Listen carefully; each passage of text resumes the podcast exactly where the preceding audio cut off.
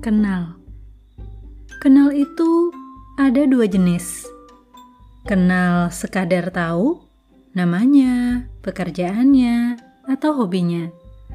Atau benar-benar mengenal apa yang menjadi kesukaannya, kemampuannya, keinginannya, karakternya, dan sebagainya.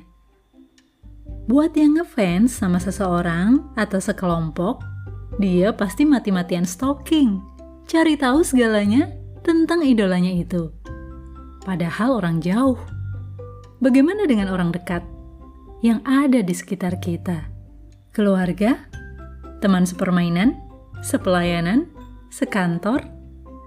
Apakah kita benar-benar mau mengenal mereka?